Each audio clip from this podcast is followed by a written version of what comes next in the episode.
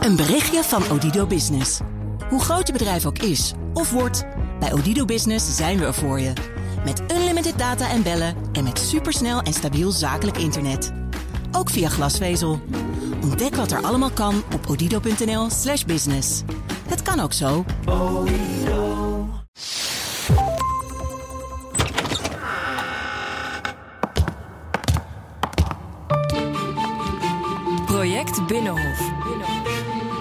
Met Sophie van Leeuwen en Laurens Boven.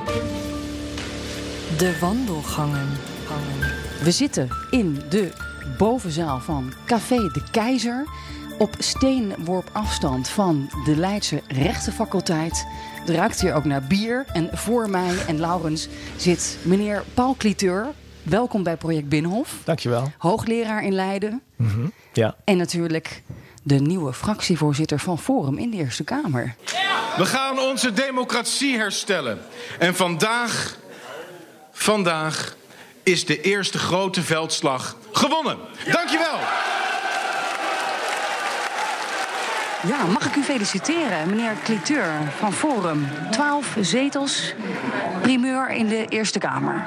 Ja, dank u wel voor de felicitaties. Die, die, die nemen we graag, eh, graag in ontvangst natuurlijk.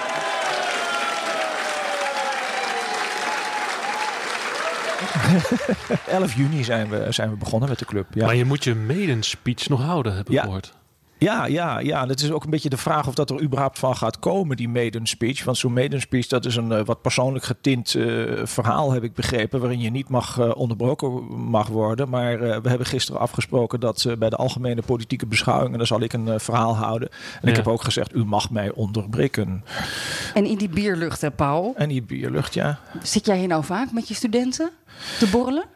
Nou, we hebben in Leiden hebben we een, eh, een, dis, een dispuut, een rechtsfilosofisch dispuut, Justus Lipsius. En die eh, hebben af en toe bijeenkomsten. En we hebben hier ook wel eens bijeenkomsten gehad boven. Dan komt er een spreker en, eh, en dan eh, behandelen we een of ander ja, belangrijk onderwerp. Ja, dan zit jij hier met je studenten en dan, waar gaat het bijvoorbeeld over? Eh, nou, er is nu een, een, een, de- debatje gepland over eh, artikel 23 van de Nederlandse grondwet. Over de vrijheid van onderwijs. En of dat een goed idee is onder de huidige omstandigheden. Dus dat gaat nog komen. Eh, maar er worden ook wel eens grote filosofen behandeld. Eh, binnenkort gaat Afshin Elian die gaat een lezing geven over de filosoof Hannah Arendt. En nou ja, allerlei verdiepende activiteiten voor, voor rechtenstudenten organiseren we. Is dit ook misschien wel de plek waar jij Thierry Baudet hebt ontmoet? Ehm, ik weet niet of dat hier was.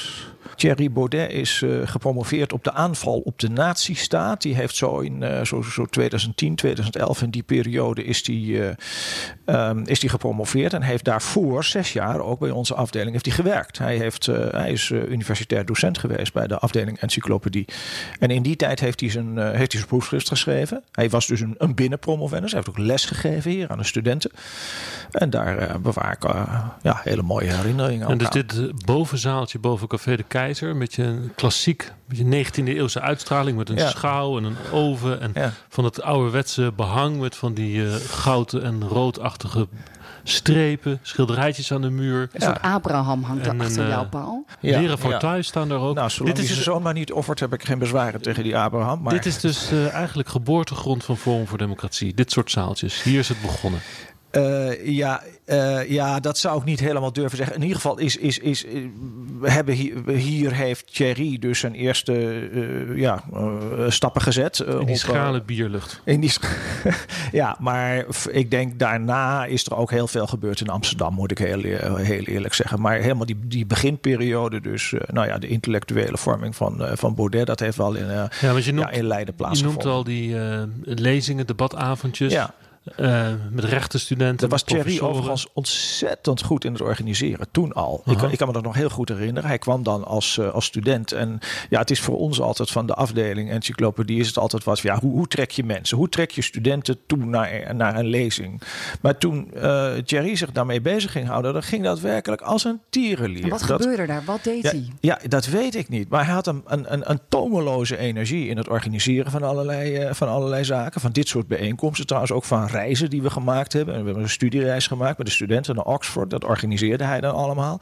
Dan wist hij het voor elkaar te krijgen dat we in al die colleges... dat we dan gratis konden lunchen. En we kregen, en we kregen mooie lezingen van belangrijke Oxford-geleerden. Dan was hij echt heel organisatorisch. Is, ja, was en, en, en, en, is hij nog steeds uh, heel sterk. Oké, dus wat hij daar heeft geleerd, wat hij daar uh, al doende... Dat heeft hij dus later in die partij uh, dan, dan voortgezet in feite. Uh, ja, ja, ja. ja, ja maar, dat kon hij eigenlijk al. Ja. ja.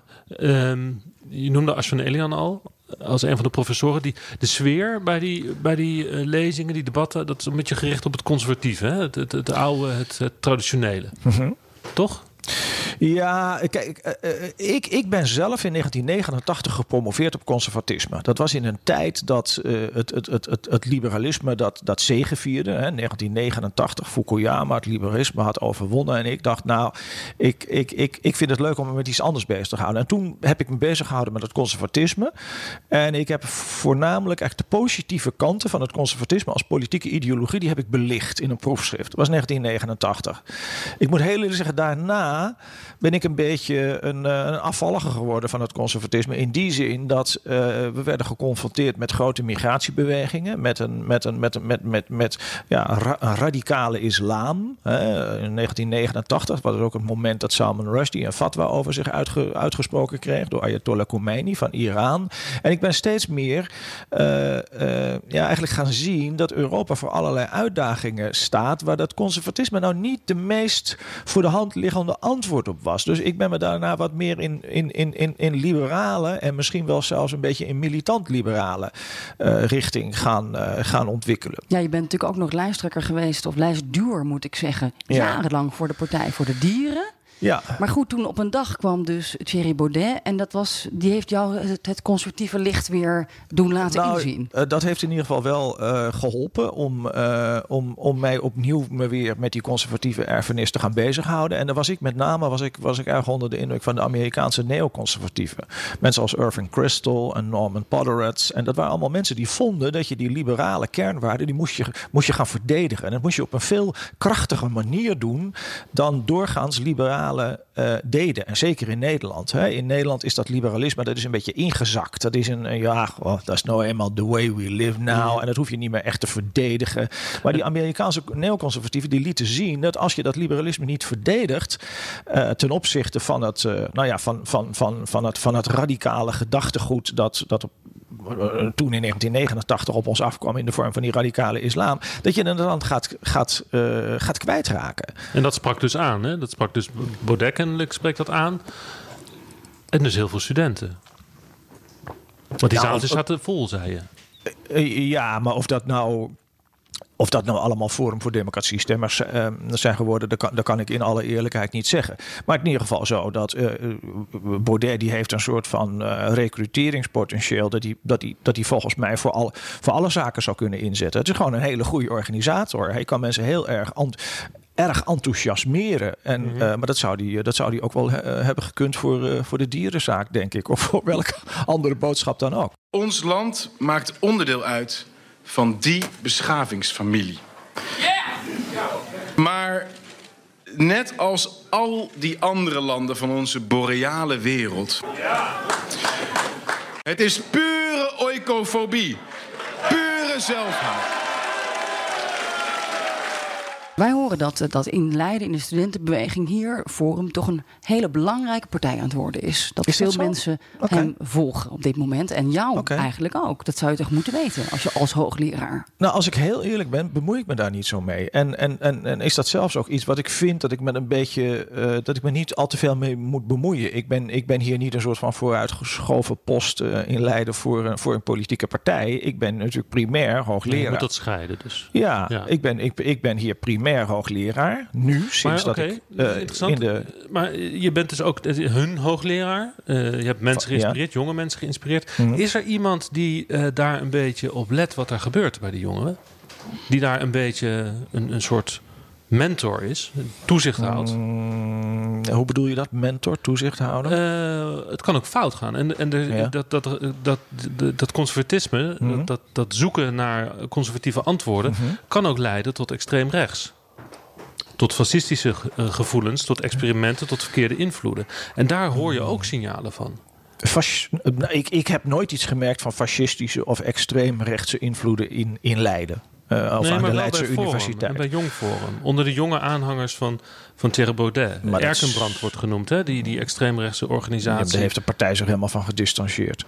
Ja? Dus Forum voor Democratie. Dus, en, en, en, ik, en jij ik ook hoorde- bij deze, dus daar Nou, nou, niet bij jij je deze van. altijd al. Ik bedoel, ik heb er helemaal niks mee. En, en, en Forum voor Democratie heeft er ook niks mee. Maar kijk, Maar goed, er een, de, een andere het kwestie komt is natuurlijk of je... Of je de, de boreale toespraak van, van Thierry Baudet. Eh, het, het geflirt met gevoelens over een, een blank Europa. eh homeopathische verdunning van de samenleving. Dat zijn allemaal termen. En als ik me zo voorstel dat jonge mensen dus op zoek zijn naar conservatieve antwoorden op een liberale samenleving, dat kan ook ontsporen. Begrijp je wat ik bedoel? Oh Ja, alles kan, eh, alles kan ontsporen natuurlijk. Maar ehm, eh, die term boreaal, dat heeft eh, Baudet van gezegd. Daar bedoelt hij noordelijk mee. Verder niks. verder niks. En dat komt geloof ik bij Baudelaire voor. En hij gebruikt het een beetje dichterlijk. En, ehm, eh, en, en, en Erkenbrand heeft Forum voor Democratie helemaal niks mee. En dat hebben we ook... Maar zij publiek- wel met jullie.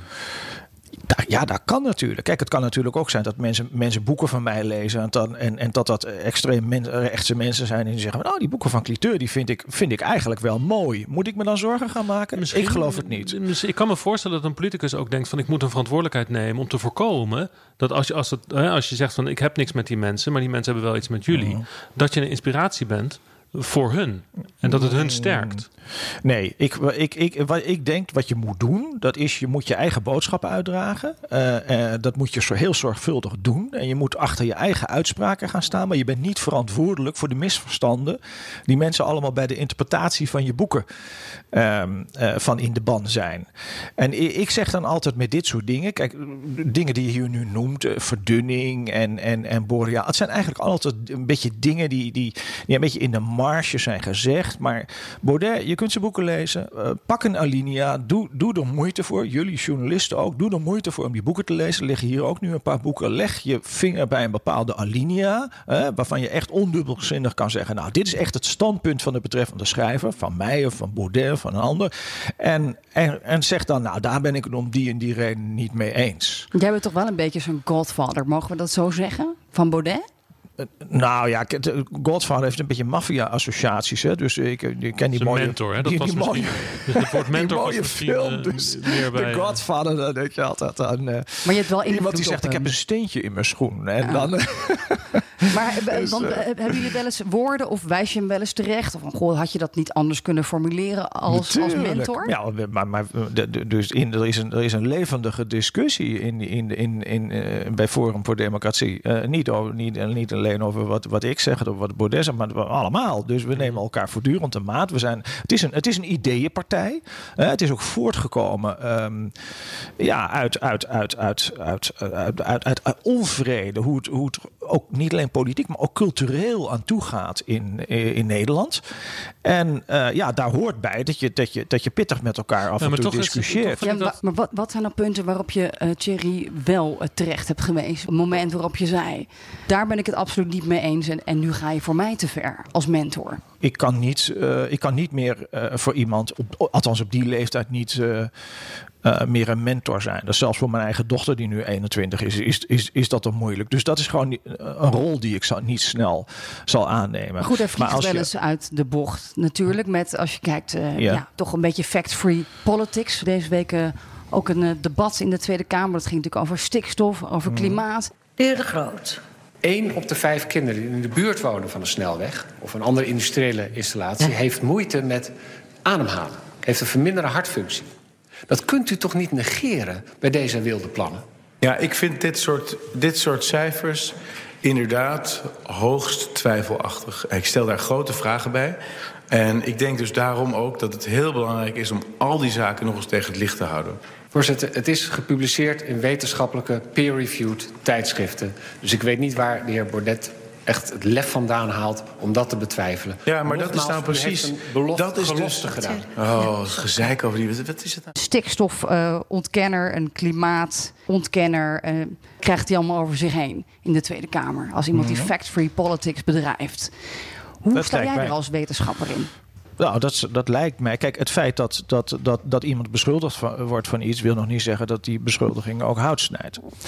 Ehm, eh, eh, ik, ik, ik heb laatst, laatst zag ik in, eh, van, van alle kranten in NRC Handelsblad nog iets, zo'n zo'n fact-check over, over migratie. En toen had hij gewoon gelijk. dus dat komt ook voor. nee, dus ik, ik, ik weet wel dat er, dat er veel kritiek is op sommige standpunten die, die Forum inneemt. Maar ja, die kritiek die krijg ik ook al 30 jaar. En op heel veel van die punten, ik wil niet arrogant zijn, maar denk ik dat ik eigenlijk wel gelijk heb gekregen. Toen ik in 1995 met die, met die dierenrechten begon. Hmm. Uh, uh, ja, toen was uh, Marianne Thieme, die, die, die, die, die, die, die, die, die, die zat nog in de, in de, in de speeltuin. En die, die partij harde... die is pas in 2002 is die opgericht. En ik kan me nog heel goed herinneren in 1995 dat, dat aan de Universiteit van Delft men dacht, ja, die man is helemaal gek geworden. Die heeft over dierenrechten. Alleen maar mensen kunnen er.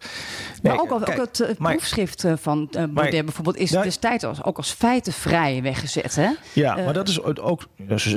nou, dat is niet waar. Ehm, maar ik ga daar straks. Ik maak jij dat verdedigd. ja, maar ik maak nog even die dierenrechten af. Wat, wat mijn ervaring is van 30 jaar werken aan een universiteit. Een universiteit, dat is een plaats waar de clash of opinions kan, kan plaatsvinden. En waar ehm, eigenlijk een, een, een, een veelheid van opvattingen verdedigd moet kunnen worden. En alleen datgene wat, het, wat echt rationeel het sterkste is, dat moet bovenkomen uh, drijven.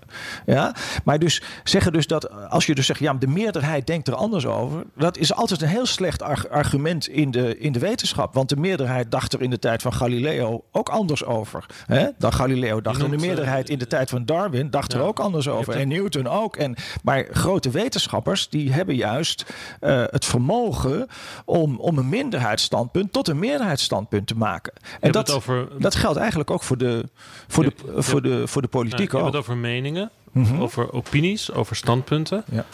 Uh, het, probleem zit hem bij feiten. En wat Forum achtervolgt, is feitenvrijheid. Die beschuldiging die wordt heel vaak geuit. En je kan ook een aantal voorbeelden vinden waarbij je denkt van ja, maar dat kan toch niet? Hoe kan je nou zo'n fout maken? Bijvoorbeeld, uh, ik zag van de week een filmpje van Thierry Baudet voor het VOC-script Amsterdam in, in uh, het Scheppertmuseum in Amsterdam. Het ging over de tijd van de VOC, de 17e eeuw. En daar zei hij: er waren in de 17e eeuw 20.000 VOC-schepen zoals de Amsterdam. Dat is gewoon niet waar. Er waren 2000 VOC-schepen, niet 20.000. Uh, ander voorbeeld is, um, er was een poster bij de Provinciale Statenverkiezingen van jullie, van, van uh, uh, Limburg. Mm En er stond een foto op van een kasteel. En dat kasteel staat niet in de Nederlandse provincie Limburg, staat in de Duitse stad Limburg. Uh, je kan zeggen dat zijn onzorgvuldigheden, foutjes. Ja. Mm -hmm. Je kan ook zeggen, het is nonchalant. En feiten doen er dus kennelijk niet zo heel erg veel toe. Hoeveel veeschepen er nou precies waren. Natuurlijk, doet, verhaal natuurlijk, doet dat er, uh, natuurlijk doet dat er wel toe. Uh, de feiten doen er toe. De feiten zijn doorslaggevend. En, en Forum voor Democratie, net als eigenlijk alle andere politieke partijen die moeten er, moeten, moeten zo zorgvuldig als maar mogelijk is met de feiten omgaan. Maar dat doen jullie niet. Ja, dat doen we wel. Uh, dat, dit zijn twee voorbeelden. Ja, van... nee, maar kijk, ik bedoel, dit, dat, dit, nou ja, dat, dat over dat, Lim, dat Limburg, uh, dat, dat weet ik dan niet, moet ik heel eerlijk zeggen. Maar nee, dat is. Uh, omgaan. Nou, ik, de, de assumptie van je vraag is dat hij het dat, dat Baudet um, uh, feitenvrij redeneert. Ik vind dat niet. Je bewijs is dan dat je zegt dat die beschuldiging vaak geuit wordt. Nou, dan zou ik zeggen, dan moet je het gaan toetsen of dat terecht is of dat dat niet terecht is. Maar over het algemeen vind ik, nou, er, zullen wel, zullen wel fouten gemaakt worden, maar die worden bij het CDA ook gemaakt, bij de VVD worden die ook gemaakt. Maar de assumptie is dus dat er uh, feitenvrij uh, gewerkt wordt bij Forum voor Democratie. Het is niet waar. Het is een strijd met uh, alle grote klimaatonderzoeken die er worden gedaan door de Verenigde Naties en door wie dan ook. Ja, daar hebben we het dus net al over gehad. Het, het, het meerderheidsstandpunten die zijn niet altijd juist. Ik heb net het voorbeeld gegeven van Darwin die tegen de stroom in ging roeien. Ik heb net het voorbeeld gegeven van Galileo die tegen de stroom in ging roeien. Als het zo zou zijn dat, je, dat meerderheden altijd gelijk hadden, dan was Galileo, die had hij zich nooit uh, kunnen manifesteren. dat geldt voor Darwin ook, dat geldt voor Newton ook, dat geldt voor Einstein, uh, Darwin, geldt voor Einstein ook. Ja. Dat geldt altijd. Het gaat er dus niet om het, het beroep op die, een meerderheid. Het beroep, die, die, beroep op een. Ja, ik maak even de zin af. Het beroep op een meerderheid is een heel slecht argument. Je moet met een beter argument komen dan dat de meerderheid er anders over denkt. Die drie die je noemt, die baseerden zich alle drie op metingen: Galileo, Newton, En eh, de derde die je noemde was? Einstein. Die baseerden zich alle drie op metingen. Eh, en wonnen het dus van een vorm van wetenschap die niet gebaseerd was op metingen. Nou, het is niet alleen En metingen. Het is, je nu- Darwin is niet alleen metingen. Je, het gaat erom dat je de goede. waar, het gaat- observatie van de werkelijkheid. ja, observatie van de werkelijkheid. Ja. En die observatie van de werkelijkheid, dat, moet je. En- nee, maar dat is niet een meten. Observatie van de werkelijkheid, niet altijd meten. Maar goed, dat doet er even niet toe. Waar het om gaat, dat is dat je zo betrouwbaar mogelijk moet je proberen om de werkelijkheid in kaart te brengen. Ja, dat geldt voor de wetenschap, maar dat geldt ook voor de politiek. Dat proberen we ook bij Forum voor Democratie. En het feit dat er veel mensen misschien anders denken dan wij, daar zeggen wij van prima, maar je moet alleen met goede argumenten komen en dan zullen we je eventueel, dan zullen we eventueel van eh, standpunt gaan veranderen. maar het beroep dus op meerderheden is dus niet, is dus niet goed. Wat zijn er argumenten voor de duizend miljard die de klimaattransitie Ehm. gaat kosten? En Zullen we het nog over de algemene politieke beschouwingen gaan hebben of niet? Maar die gaan toch ook eigenlijk over de kosten Ja, van nee, de we hebben dus op klimaattransitie? 29 oktober hebben we de algemene politieke beschouwingen. Die ga ik doen. Eh, daarna komen de algemene financiële beschouwingen. Die gaat Paul Frentrop doen. Dat is onze financiële eh, specialist. En daar ga je En we onderbouwen op, hoe, eh, hoe je bij de duizend miljard komt bijvoorbeeld. Nou, ik, ik, ik, ik ben bang dat ik dat niet ga doen. Wat ik, wat ik wil gaan doen, ik wil me gaan richten op de democratische rechtsstaat. En we hebben het er net over gehad, dus de, die, die, die, die maiden speech, dat mag een beetje een persoonlijk element hebben. Daar word je ook niet in onderbroken. Maar ik heb gisteren al in, het, eh, in de Eerste Kamer gezegd, jullie mogen me wel onderbreken. Dat vind ik eigenlijk dus, eh, eh, vind ik ook helemaal niet erg. Maar ik wil het wel doen over een onderwerp waarvan ik denk, nou, dat is eigenlijk heel belangrijk. En, en, en, mijn, en dat ligt ook dicht bij mijn, mijn eigen vak. En ik heb de indruk dat die, ehm, dat die democratische rechtsstaat. ehm, nou ja, als ik het heel dramatisch zeg, in verval is. eh, dat is eigenlijk al een oude overtuiging van me. Ik heb in 2004 heb ik een boek geschreven tegen de, dege- tegen de decadentie. De democratische rechtsstaat in verval.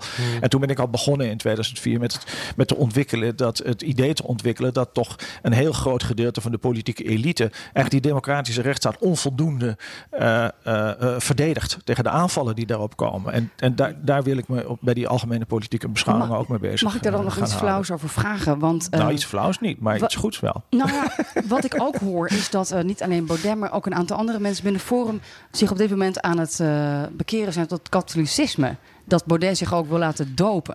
En ja, als ik dan denk, als er iets niet een democratische rechtsstaat is, dan is dat wel het Vaticaan, de katholieke kerk. Hoe, hoe kijk jij er dan tegenaan? Eh, Dat, dat Baudet zich eh, ga- eh, zou gaan laten dopen, dat weet ik niet. Heeft hij tegen mij nooit verteld. Maar ehm, eh, dat, er, dat er wel, eh, dat Forum voor Democratie, niet, eh, ja, dat het de partij is waar, waar mensen van allerlei verschillende religieuze gezinten rondlopen. En wat mij betreft ook kunnen rondlopen, dat is wel waar. Je bent natuurlijk een rasatheïst zelf, denk ik. Jij, jij zou Ja, je niet zo snel ja. bekeren tot de katholieke kerk? Eh, eh, nee, dat is inderdaad eh, erg onwaarschijnlijk dat dat gaat gebeuren. Hoewel je het nooit weet natuurlijk. Maar, je vindt het niet tegenstrijdig. Dat je dus ja, strijdt voor die democratie en jezelf onderwerpt aan de, de almachtige monogod.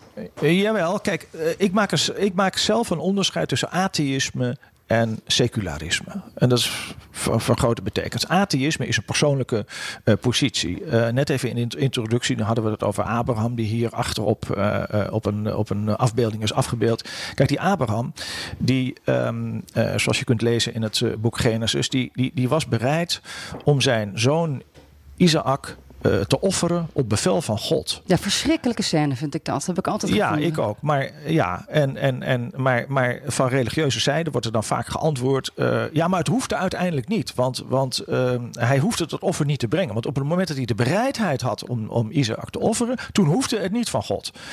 Ja, dat vind ik een wat zwak antwoord. Want ik vind het erg verontrustend dat Abraham die bereidheid had. In die bereidheid, ja, dat zijn we dan met elkaar eens. En in die bereidheid, daar, daar zit, een, zit een gevaar. Daar zit het gevaar van wat ik heb genoemd het theoterrorisme. Het, het, het feit dat je verschrikkelijke, of, of de bereidheid om verschrikkelijke dingen te doen met het beroep op een goddelijk bevel. En in, dat, dat, dat, eh, in, in een boek wat ik in 2010 heb geschreven. eh, Dat ligt hier op tafel, toch? Het monotheïstisch ja, het dilemma. monotheïstisch dilemma.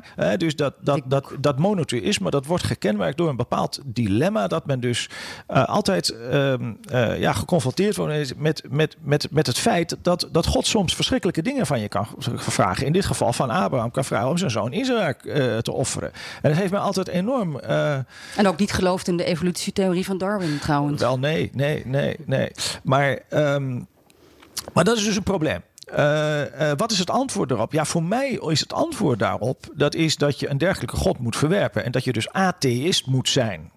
Ja, dus ik vind het atheïsme vind ik een goed, goede persoonlijke levens, uh, levenswandel. Maar als dan iemand als maar, Baudet zich zou willen bekeren, dan, dan dat vind jij niet zorgelijk? Als ja, je het hebt over feiten vrij hè? en uh, nou ja, uh, zelf verantwoordelijk zijn ja, voor de maar, beslissingen die je neemt. Ja, maar ik wil nog eventjes, dus dat atheïsme, dat staat tegenover het secularisme. En het secularisme is een publieke positie. Dat wil dus zeggen dat je vindt dat de staat zelf officieel geen standpunt moet innemen ten aanzien van religie. En ik vind dat alle politieke partijen, Forum voor Democratie, maar eigenlijk ook het CDA en, en, en, en ook Denk, die zouden het secularisme wel moeten onders, onderschrijven. Dat wil dus zeggen dat je, dat je ervan uitgaat dat burgers in de samenleving, dat ze dus de vrijheid hebben om voor deze of geen religie te kiezen, of voor geen enkele religie te kiezen. Maar, je maar de staat, ja, maar de staat Lita, moet ze, laïc, toch ja, heet dat in Frankrijk? Ah, oui, ja. We dwalen een beetje af.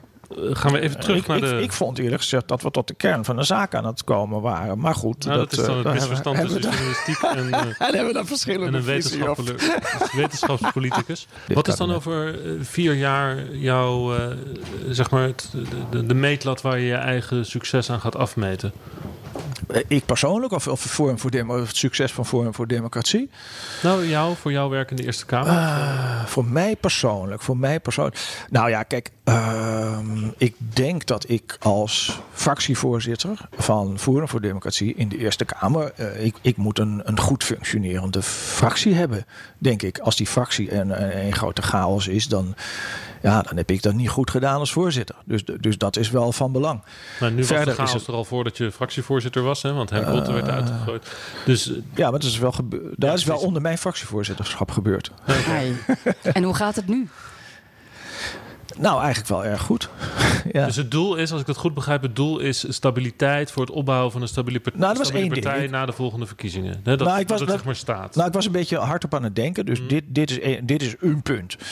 Um, je moet een, een, een goede, harmonieuze en effectief functionerende fractie hebben. Dat, dat is een punt. Uh, maar het tweede punt is natuurlijk ook... Je, ja, het is natuurlijk... Uh, ik ben niet alleen maar fractievoorzitter van Forum voor Democratie in de, in de uh, Eerste Kamer. Ik ben ook nog een beetje partijman. Dus ik, ik probeer ook die partij te helpen. Dus ik ga naar de, naar de bijeenkomsten van de partij. Ik, ik, ik doe mee. Ik, ik, ik doe mee een beetje in het publieke debat. Ik blijf ook schrijven. Ik probeer standpunten in te nemen.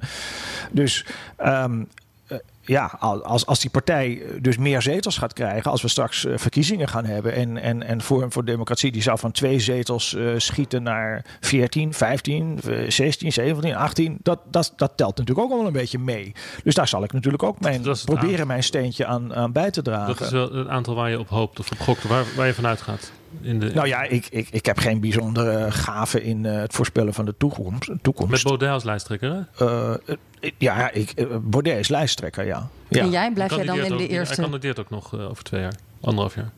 Nou, daar ga ik wel vanuit, ja. Ja, ja, daar ga ik wel vanuit. Ik vind hem een hele, hele getalenteerde man al. Ik vind hem een getalenteerde wetenschapper. Ik vind hem een getalenteerde organisator. En ik vind hem ook een getalenteerde politicus.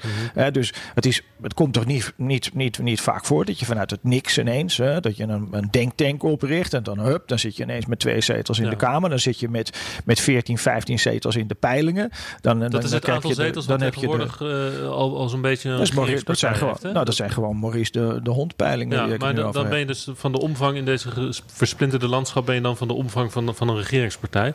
Uh, met dat soort aantallen zetels. Uh, zou Baudet dan ook volgens jou een goede minister zijn? Ja, ik heb wel de, de indruk dat, dat, dat wat hij aanpakt, doet hij allemaal heel goed. Dat ja. is ook de ambitie voor de volgende verkiezingen. Forum in de regering. Dat, dat, ja, dat zal tegen die tijd een beetje van afhangen. Op, we, we zijn nu meer een oppositiepartij. Zoals je, zoals je geconstateerd hebt, hebben we natuurlijk, hebben we natuurlijk sky high gestaan in die, in die peilingen een tijdje. Dat is nu weer wat minder geworden. Uh, maar we, en, en we leggen ons nu wat meer op de oppositie toe. Maar, maar ja, hoe dat over twee jaar dat, dat vlag erbij hangt, vind ik heel moeilijk te zeggen. Het willen? Wat de regering, uh, gaan regeren als, als, als Forum voor Democratie. Nou, ik denk dat we dat, we, dat, we dat niet uit de weg moeten uh, gaan. En we hebben hele goede mensen, dus uh, het zou wel kunnen. Dan zou je dat klimaatakkoord wel moeten accepteren uiteindelijk. Uh, nee hoor, we kunnen, we kunnen van alles. Op het moment dat je. Dat je, dat je met je regeren. Uh, als je op de, uh, nou, dat gaan we dan wel weer zien. Maar als je. De, nou ja, goed, misschien. Als je, als je dus je, je, je punten niet binnen kan halen als partij. dan moet je niet meegaan. Dan moet je meegaan, moet je meegaan in, in, de oppositie. Maar we leven in een hele snelle tijd, joh. Het kan ontzettend snel kan het allemaal veranderen. Dat zie je dus nu ook. Um, de, in, in, in, in een paar jaar tijd kan je een complete omslag krijgen. En. Nou, ik, uh, ik zie dat allemaal met uh, zeer veel vertrouwen tegemoet voor Forum voor Democratie. Dankjewel, Paul. Graag gedaan. Voor je tijd ja, hier in, het, ja, leuk. in de bierlucht van het Leidse Café. Dankjewel. Wij gaan nog even luisteren naar De Week van Kees. Wow. Tot volgende week. De Week van Kees. Goedemiddag, ik sta hier met... Martin Buutveld eigenaar van deze mooie haringkar bij de Tweede Kamer. Dus het is mooi weer. Is het ook druk vandaag? Ja, het is mooi weer, maar het waait wel uh, vervelend hier. Dit is echt zo'n windhoek, hè? Uh, wat zei je even druk? Is het druk? Ja, we hebben, nu is het even rustig, maar we hebben een hele drukke lunch gehad. Ja. Ik zie hier dat de Haringkar in 2004 geopend is door toenmalig minister Hans Hogevorst. Ja, leuk, leuke herinnering. Ja? ja? Dat was een goede minister? Ja, was een hele goede minister. En, uh, een fijne, aardige persoonlijkheid ook. Ja. En was, was het een groot feest, de opening? Ja, dus, we hebben hier... Een heel, heel feest is het hier geweest met tafeltjes en allemaal bezoekers, uitgenodigde bezoekers van de Eerste en Tweede Kamer. Het was een drukke dag toen. Ja. En heeft u voor 2004 jaar geleden? En heeft u voor 2004 ook haringkarren gehad? Ja, hier op dezelfde plaats. Uh, maar die dingen die worden ook ouder en die, die slijten. Zeker met het harde werken wat wij doen, slijten ze. Dus uh, dit is mijn derde kraam. Derde kraam. Wanneer is de eerste kraam geopend? De eerste kraam, ik ben begonnen met de eerste kraam in 1984. En dat is al lang terug. En Ja, in, die tij- in die tijd heeft u veel politici zien komen en gaan. Ja, klopt. Komen die hier vaak? Ja, er komen hier uh, allerhande politici en ik heb ook al heel wat uh, ministers en uh, premiers langs zien komen. En dan wil ik best eens een keertje kwijt dat ik Rutte toch de aardigste premier vond. Want dat is nou, ik vraag me wel eens af, die andere premiers die liepen langs en die hebben misschien nooit gezien dat hier een haringkraam staat. Maar Rutte is nou eens de eerste die uit zichzelf gedacht zei. En de, de premiers voor Rutte die zijn nooit langs geweest. Ja, die, die liepen hier altijd langs en enkelingen ook wel een haring gegeten, zeker wel. Ja, ja. Daar heb ik ook nog foto's van thuis. Ik heb een fotoalbum.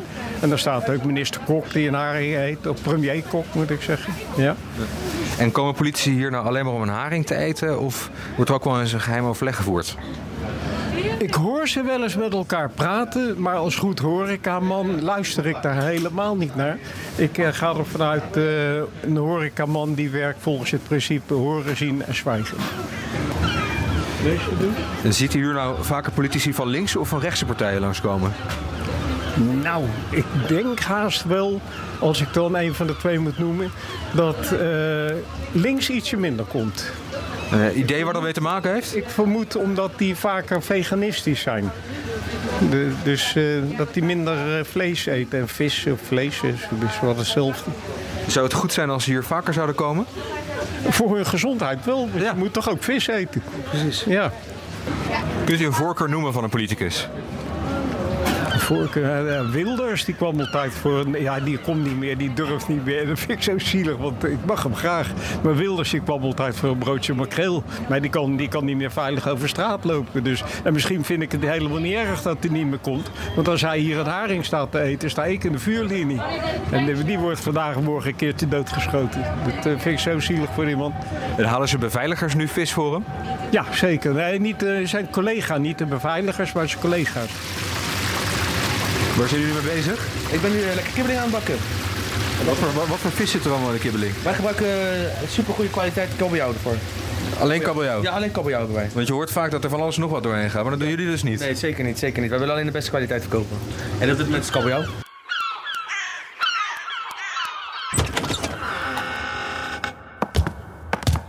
De week van Kees. Project Binnenhof.